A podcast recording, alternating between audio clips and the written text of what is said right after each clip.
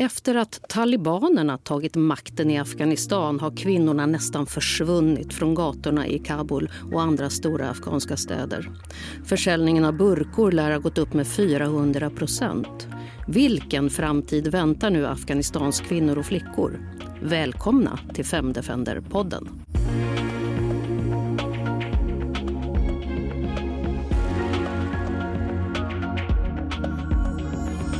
Ja, vi har lagt alla andra planer för månadens avsnitt av podden åt sidan för att istället prata om Afghanistan.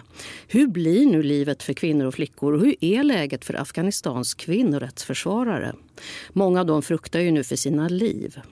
Jag heter Anna-Karin Hall och med mig har som vanligt våra påverkansrådgivare Klara Backman. Hej! Och Jessica Poe Janell. Hej! Kvinna till kvinna arbetar inte i Afghanistan så jag åkte iväg till vår före detta kollega Lotta Sjöström Becker hon är idag generalsekreterare för Kristna fredsrörelsen men hon har tidigare jobbat för EU i Afghanistan bland annat med uppdraget att stödja kvinnliga poliser i landet. Och hon hade också täta kontakter med civilsamhället och med kvinnorättsförsvarare. Så här reagerar Lotta på de senaste veckornas händelser i Afghanistan. Man kan väl säga så här, jag tror att alla Eh, eller jag i alla fall, är, är, helt chockad över på det sätt det skedde, USAs utträde, alltså rent praktiskt hur de gjorde det. Och sen också hur snabbt det gick för talibanerna att ta över Afghanistan och på det sätt det skedde. Eh, det är för mig eh, en otrolig chock. Eh, men att talibanerna har eh, varit på väg tillbaka, att de aldrig riktigt försvunnit men också att de, så att säga, i och med de här, den här förhandlingsprocessen som har gått pågått i Doha så, så har det ju varit känt sen flera år tillbaka att talibanerna kommer bli en del av, av makten. Men absolut inte att det skulle ske på det här sättet. Vad ser du nu som de största riskerna och farhågorna för kvinnorna och jämställdhetsarbetet nu när talibanerna kommer till makten i landet? Ja, som vi har hört på uttalanden så säger de ju att kvinnor kommer ha rättigheter. De kommer kunna utbilda sig. De Tror kommer, du dem? De kommer kunna förvärvsarbeta. Men enligt eh, deras tolkning av sharia. Men för kvinnor och flickor i Afghanistan nu så gäller det ju att först och främst överleva men också för de som har aktivt jobbat med mänskliga rättigheter och, och stuckit ut hakan eh, så blir det ju nu att eh, försöka anpassa sig till eh, de villkor som talibanerna kommer att ge. Utrymmet som har funnits, det lilla utrymmet som har funnits för kvinnor att kräva sina rättigheter eller bli aktiva ledare och representera, den, den har, har den, den, det utrymmet finns inte nu och jag skulle säga att de kvinnor som eventuellt kommer få representera kvinnor i, i en talibanledd eh, regering där är det inte så mycket en, en kvinna som, som representerar kvinnors rättigheter men kanske mer som ett, ett kuttersmycke. Finns det ett stöd för talibanernas kvinnosyn bland den afghanska befolkningen?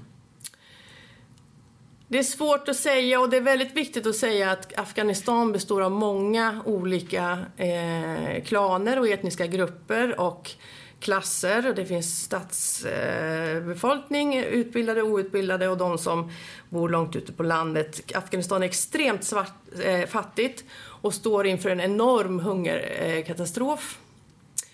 Eh, och jag skulle säga så här att eh, de, den, den tolkning av sharia som de representerar eh, skulle jag säga att jag inte upplevt att en majoritet stödjer.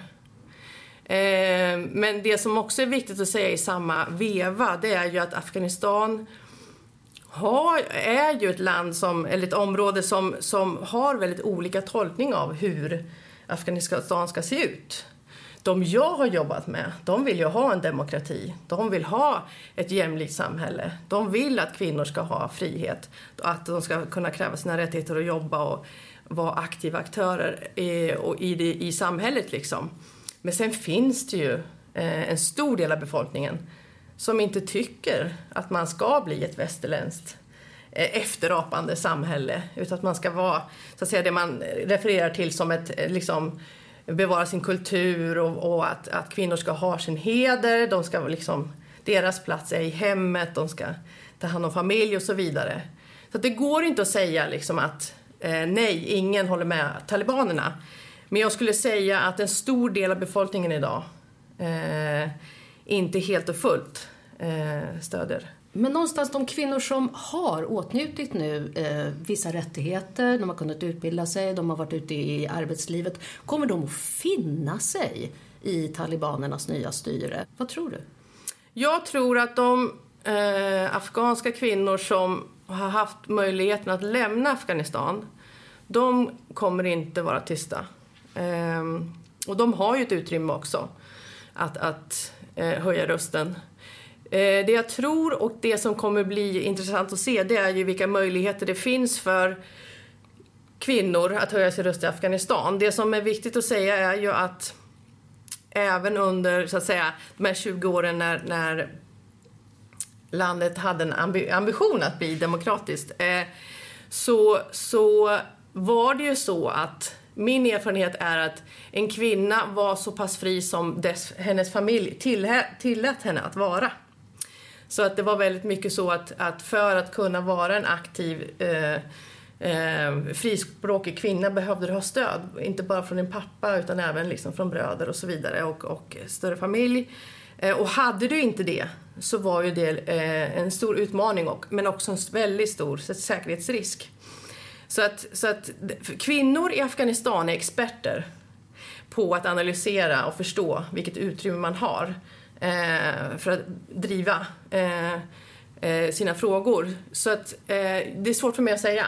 Men jag tror ju att, att eh, Afghanistans eh, kvinnliga diaspora kommer att vara jätteviktig Eh, i det här att driva och påminna och uppmuntra eh, att, att en förändring måste till.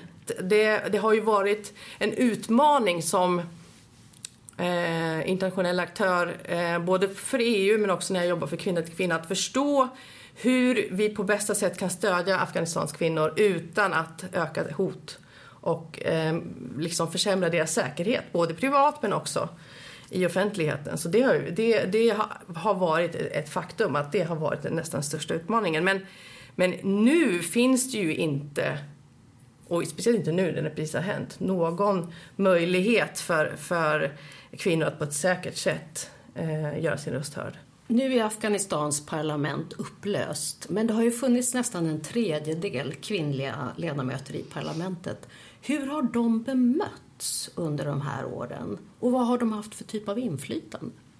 Jag tror att det har varit väldigt olika hur de har bemötts och vad de har haft för genomslag och, och för, för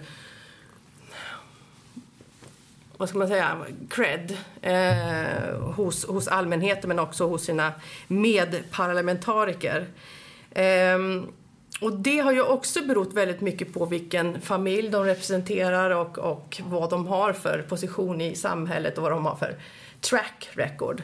Eh, så på något vis har det varit eh, de, alltså det har varit en, en, en utmaning, tror jag, för, för kvinnor i parlamentet att ha samma eh, liksom mandat, samma röst, samma tyngd som sina manliga kollegor. För att eh, de har inte haft samma, lika starka allianser eh, som sina manliga eh, kollegor. Men vissa av dem har ju varit otroligt framträdande och, och eh, haft mycket liksom, utrymme. Eh, men oerhört mycket mer utmaning för en kvinna i parlamentet.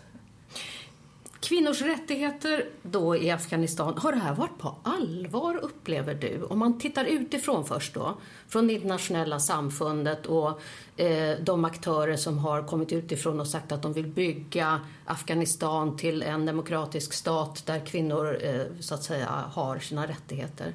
Hur ser du på det idag? Om vi ska börja med de internationella aktörerna så, så, så tycker jag att jag hade ett... ett alltså, um, Nato har ju haft en militär insats och det är den som har lämnat nu. Ehm, och när jag hade varit i Afghanistan i ungefär ett år för EU då och jobbat väldigt intensivt och på något vis då nått någon slags insikt om hur komplicerat och komplex situationen var så träffar jag en, en nyinflugen general från USA som ville snacka med oss på, på EUPOL Och, eh, och han sa eh, när, i början så här, jag förstår inte varför det tar så lång tid. Jag vill veta era bästa tips. Och så sa han så här, because I'm here to fix it. Och då sa jag så här, ja, men hur länge ska du vara här då? Ett år. Och jag tänker så här att, att jag, tror, jag tror att majoriteten av dem som har jobbat och eh, engagerat sig i Afghanistan i program och projekt och så vidare, de civila, har haft en genuin vilja att bidra till förändring. Jag tror att utmaningen med och därför att det militära eh, insatsen var så enorm och så otrolig ruljans. Eh, att kanske kompetensen och kunskapen, den långsiktigheten och nyanserna liksom. Var, eh, konfliktkänsligheten fanns inte alls där. Eh, och att vi som jobbade kanske i en mindre insats eh, fick jobba väldigt mycket med att samordna och försöka få de andra aktörerna att, att så att säga, eh, gå åt samma håll.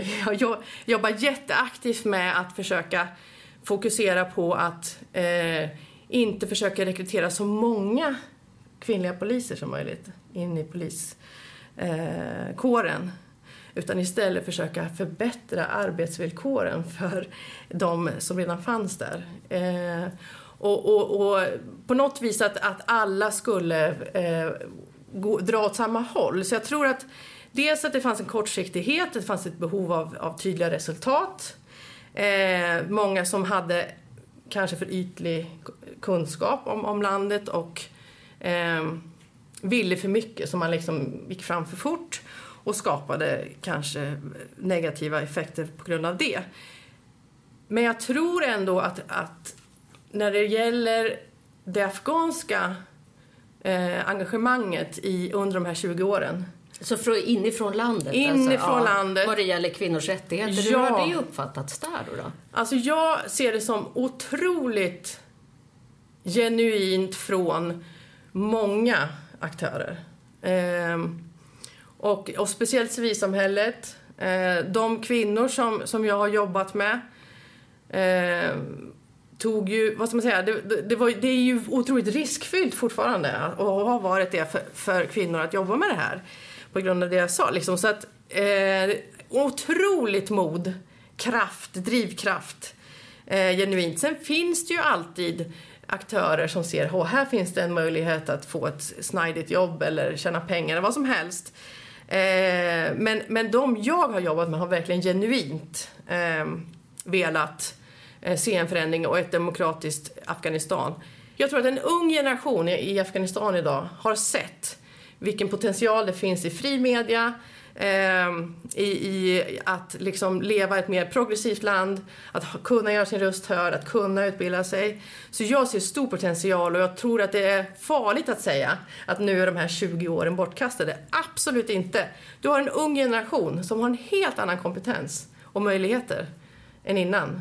Upplever du att man från de internationella aktörernas sida på något sätt har kommit med en idé om hur kvinnor, eh, så att säga, jämställdhetsarbete ska gå till. Att man på något sätt går igång, att det ska vara med kvinnors organisering eh, och de ska göra ungefär som vi gjorde i västvärlden när vi fick till kvinnors rättigheter. Nej men det intressanta är ju att absolut inte som vi gjorde för att då, det var ju liksom kvinnor som tog ton och var besvärliga. Eh, och, och, och satte sig upp mot, mot männens eh, normer och, och maktövertag.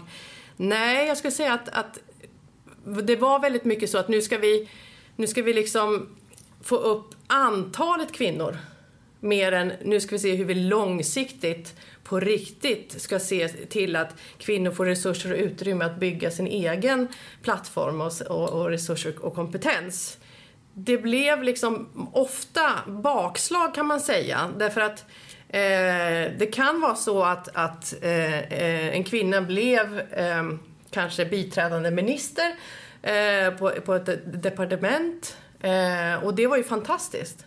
Men den här kvinnan hade kanske inte fått, eh, eller hade kanske inte erfarenhet av eh, Eh, besluts, offentliga beslutsprocesser, representation och just återigen avsaknad av det här nätverket man behöver för att vara framgångsrik. Så att bilden blev att det här är en, kvinnor är svaga, de kan inte leda. Eh, samtidigt som det blev eh, otroligt större hotbild mot de här kvinnorna som verkligen då, ja, mot bättre vetande kan man väl säga, tog de här eh, seniora positionerna. Eh, och det tycker jag att det, där kan vi som, som var internationella aktörer och pushade för det här, liksom, ja, men det var bara liksom upp och visa att du kan.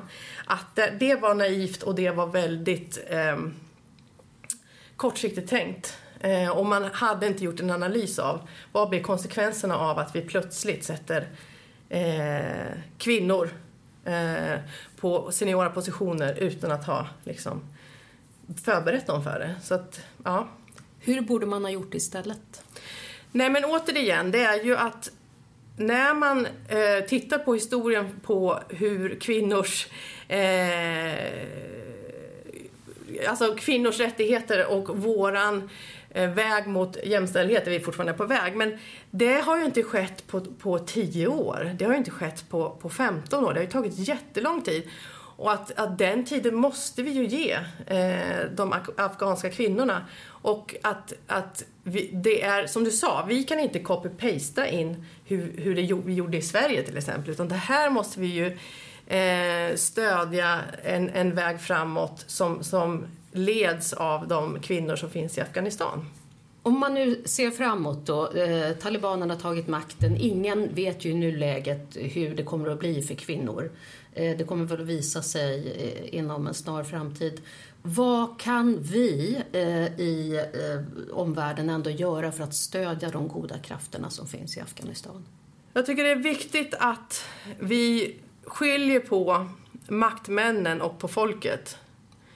Eh, att att våra, våran uppgift är att hitta sätt att stödja och, och, förbättra situationen för Afghanistans folk. Och vi som jobbar med, eh, alltså om man tänker på framtiden så är det att hitta vägar in för att långsiktigt stödja eh, de aktörer eh, som kan bidra till en bättre förändring. Det är svårt att säga nu, men jag tänker att ehm, vi har mycket att lära och vi har, har mycket att... Eh, alltså vi har redan en bra närvaro genom Svenska Afghanistankommittén. Eh, men äh, framöver så, så, tror jag att det finns sätt att stödja. Men där måste vi... Eh, och jag tror även att det finns stora möjligheter att, att jobba alltså med att stärka civilsamhället. Men, men det som det, det nu tydligt visar eh, efter 20 år av, av militär invasion att det, vapen fungerar inte. Du kan inte tvinga fram demokrati. Säger alltså Lotta Sjöström Becker som tidigare har jobbat för EU i Afghanistan. Ja, långsiktigt stöd till civilsamhället är en väg framåt menar hon. Men hur kunde då det internationella samfundet lämna Afghanistans kvinnor och flickor i sticket på det här sättet? Klara? när man tänker på berättelsen om kriget i Afghanistan så har ju kvinnor och flickor varit väldigt närvarande som symbol eh, och i verkligheten egentligen hela tiden rättfärdigandet av en militär invasion eh, så att säga med hjälp, eh, att man ska skydda mänskliga rättigheter.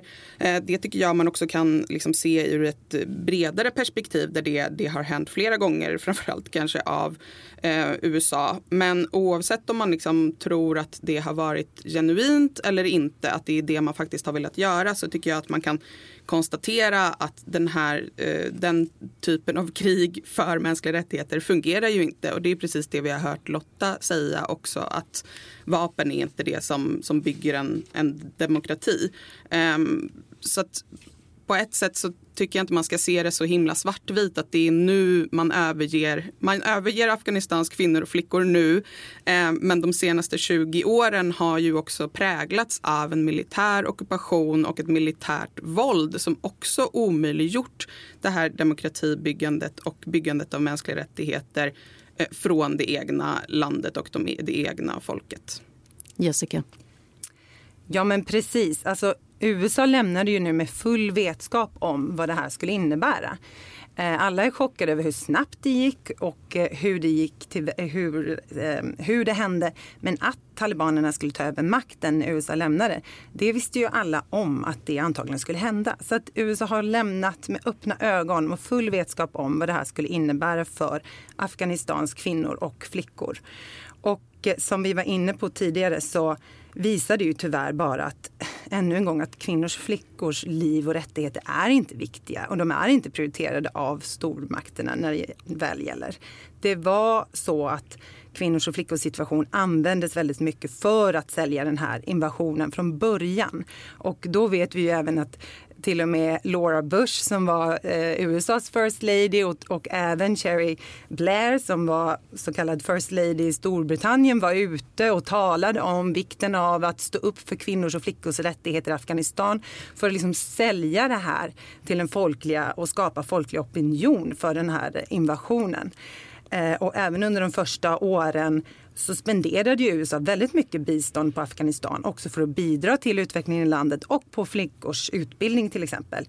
Men under de sista åren så har det här bidraget försvunnit och biståndet har, har liksom strypts. Och nu då, när USA drar sig ur, så är det som om USA aldrig har sagt att de såg det som sin uppgift att stå upp för kvinnors och flickors rättigheter i Afghanistan eller ens bidra till demokrati. Tvärtom, om man lyssnar på talet som Joe Biden höll när Kabul föll så säger han att vårt uppdrag i Afghanistan var aldrig att bidra till att bygga en nation eller en demokrati utan bara sätta dit de som attackerade oss vid eh, 9-11 och se till att det inte hände igen.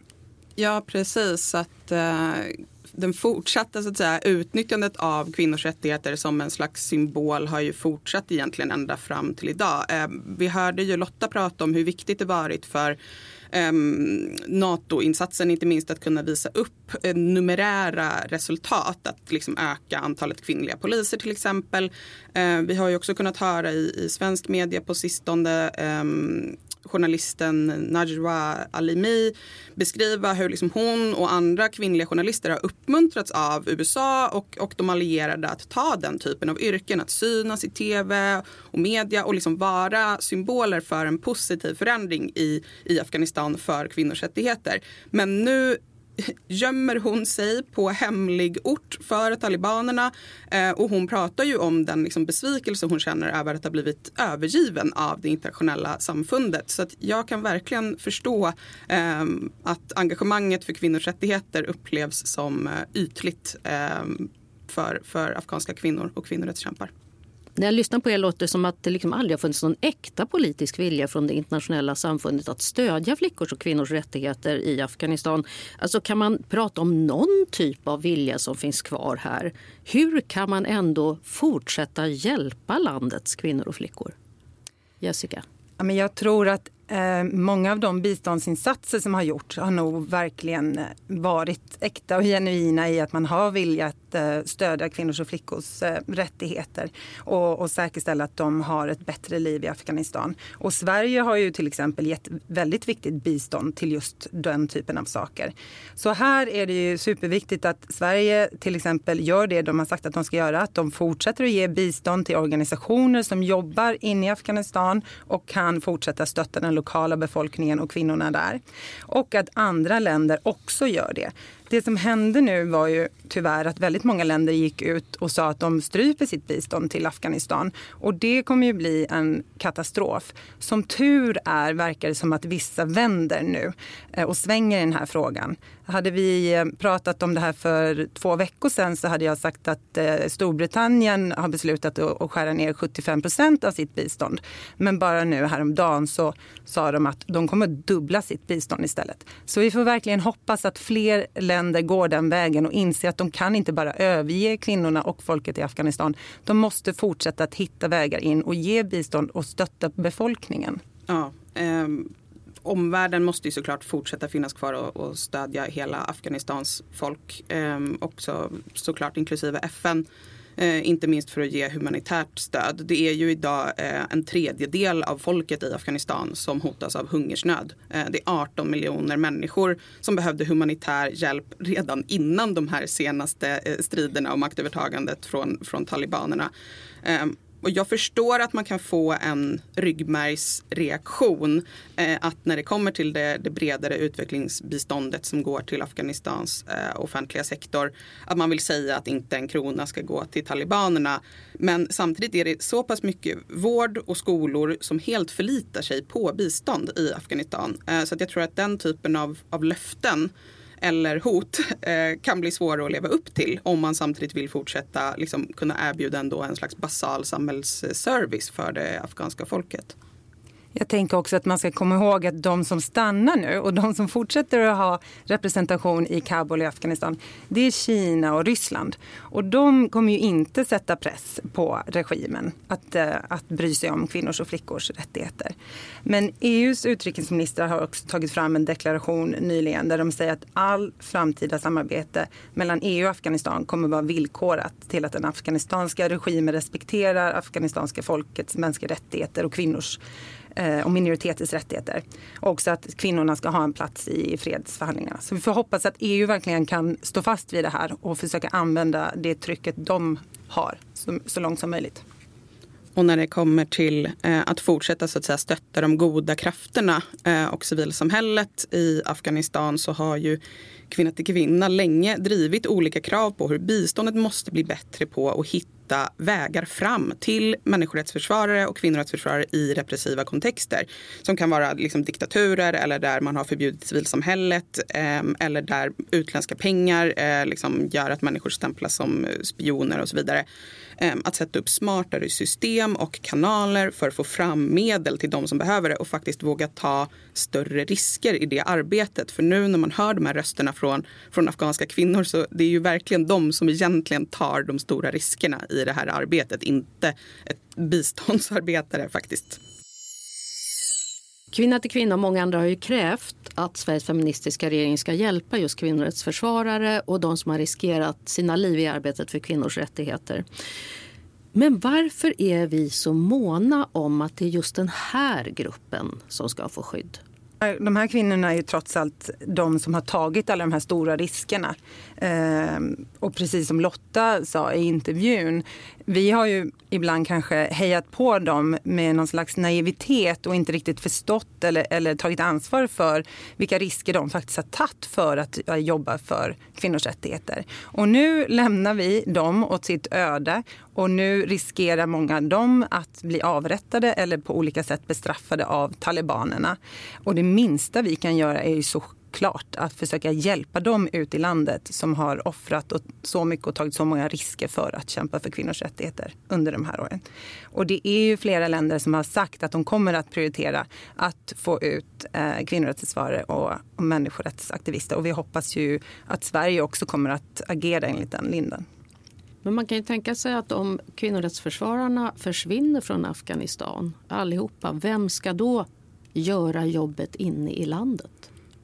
Jag tror att man måste ju såklart göra både och. Eh, när vi pratar om kvinnorättsförsvarare eh, generellt så brukar vi prata om aktivister, journalister, eh, advokater eller ehm, kvinnor som jobbar med fredsbyggande. Men i Afghanistan då har ju det också handlat om barnmorskor och eh, lärare, liksom kvinnor som, som riskerar livet bara för att kunna ge vård till kvinnor eller jobba i, i skolor där flickor får gå.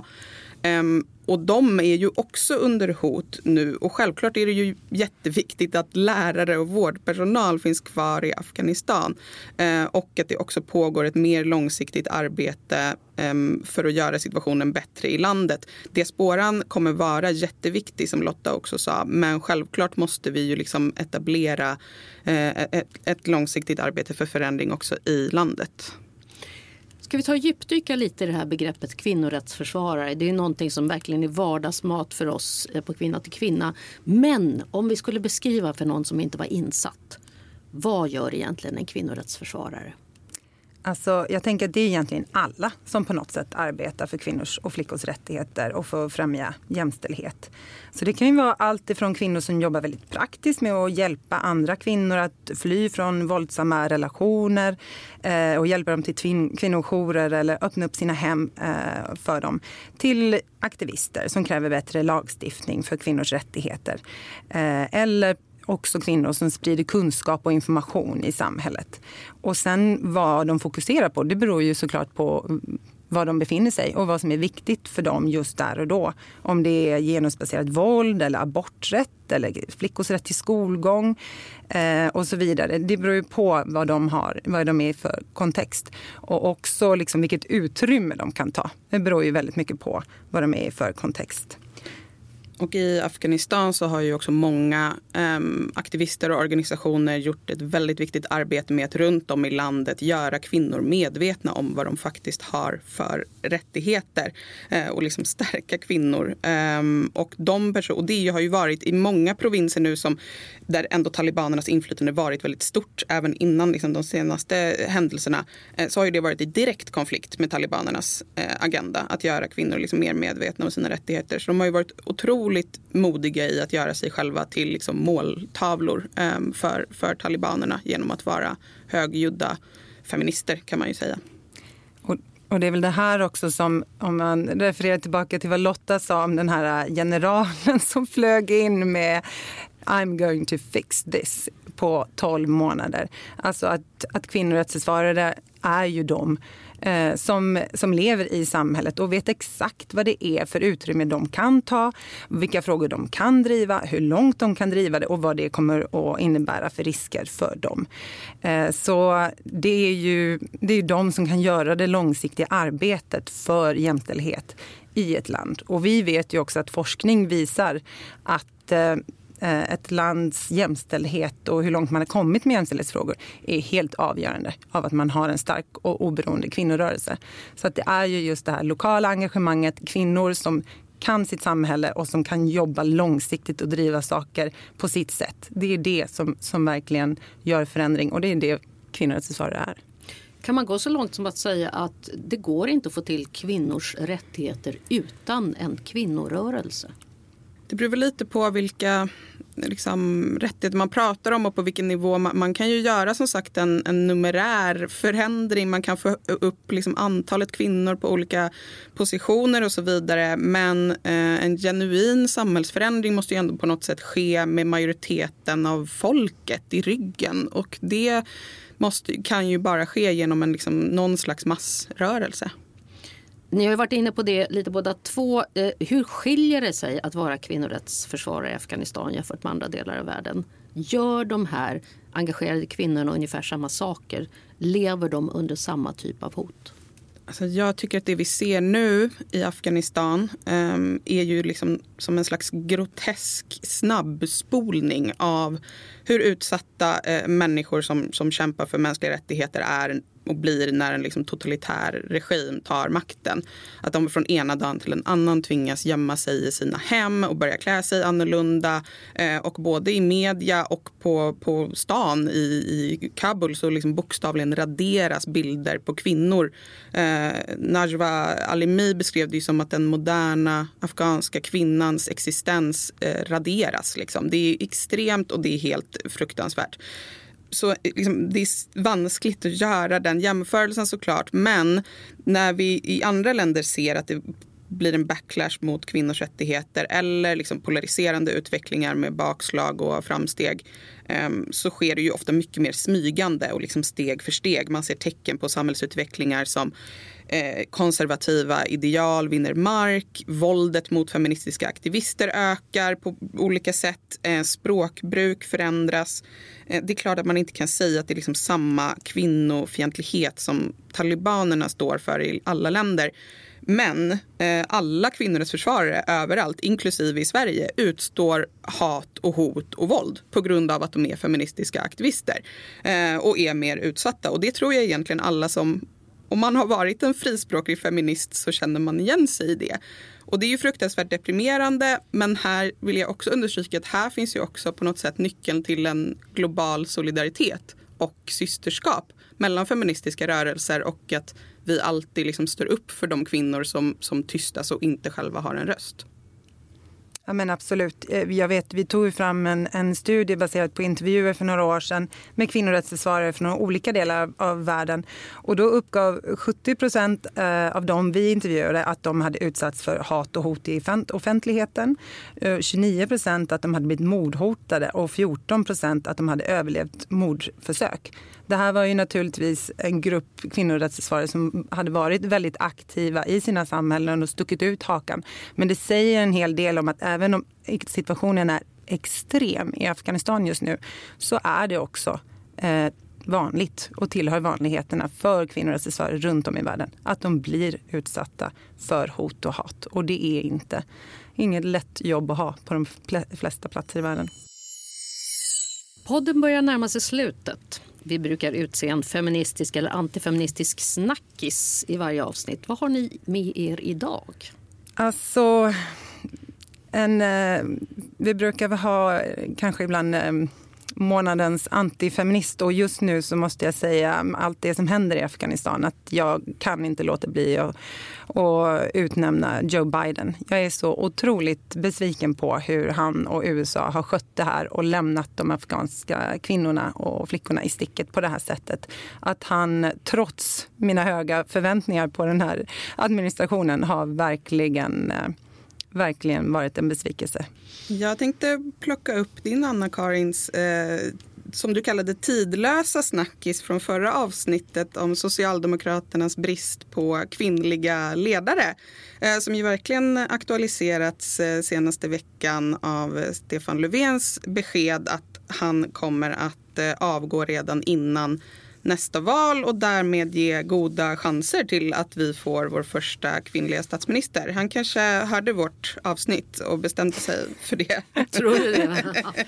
Sen om, de, om Socialdemokraterna förtjänar att, att utnämnas till månadens feminister kanske är, återstår att, att se då. Eh, men, men det är ändå positivt att det här glastaket eh, äntligen eh, krossas. Eh, eller som Margot Wallström brukar citera Laura Liswood i och säga att eh, det finns inget glastak för kvinnor, det är bara ett tjockt lager av män. Den var bra. Själv så kan jag inte låta eh, Belinda Olssons nya SVT-serie gå obemärkt förbi. Har ni sett den? Från savannen mm. till Tinder? Jag har valt Nej. bort den. Men vi har ju hört. Ah, jag kan fråga varför. Ja. ja. men alltså, det här verkar som en beställning från Barnkanalen om misstag har hamnat i riks-tv. um, alltså, inget ont om Barnkanalen, va? men tilltalet tycker jag är ovärdigt en kvalificerad public service-produkt. Det är, ingår animationer som Säg hej till kopplingarna i hjärnan. Alltså. Som om vi inte liksom förmår att ta till oss vad en hjärnforskare som sitter där i rutan och just har pratat säger om hur det fungerar i mäns och kvinnors hjärnor. Och sen så får män och kvinnor tävla mot varann i att skruva ihop en IKEA-möbel och resultatet av det tas som illustration till biologiska skillnader mellan könen. Alltså jag som har skruvat med bilar och byggt hus i mitt liv, alltså jag vrider mig som en mask i tv-soffan. Och det är som någon recensent skrev. Hur blev alla gamla Fittstims feminister plötsligt biologister? Nej ja. usch säger jag bara. Det var veckans rant om antifeminismen. Tack till våra påverkansrådgivare Jessica Pojanrell och Klara Backman. Tidigare i podden hörde du också Lotta Sjöström Becker. Du har lyssnat på Fem Defender-podden från kvinna till kvinna. Ansvarig utgivare är Linda Sell. Vi ska göra en rättelse. Sen vi spelade in det här avsnittet 25 augusti har det hänt saker. Måndag 30 augusti kom beskedet att den afghanska journalisten och Per Anger-pristagaren Nashwa Alimi, som vi pratar om i podden, har evakuerats till Sverige och också fått träffa utrikesminister Ann Linde.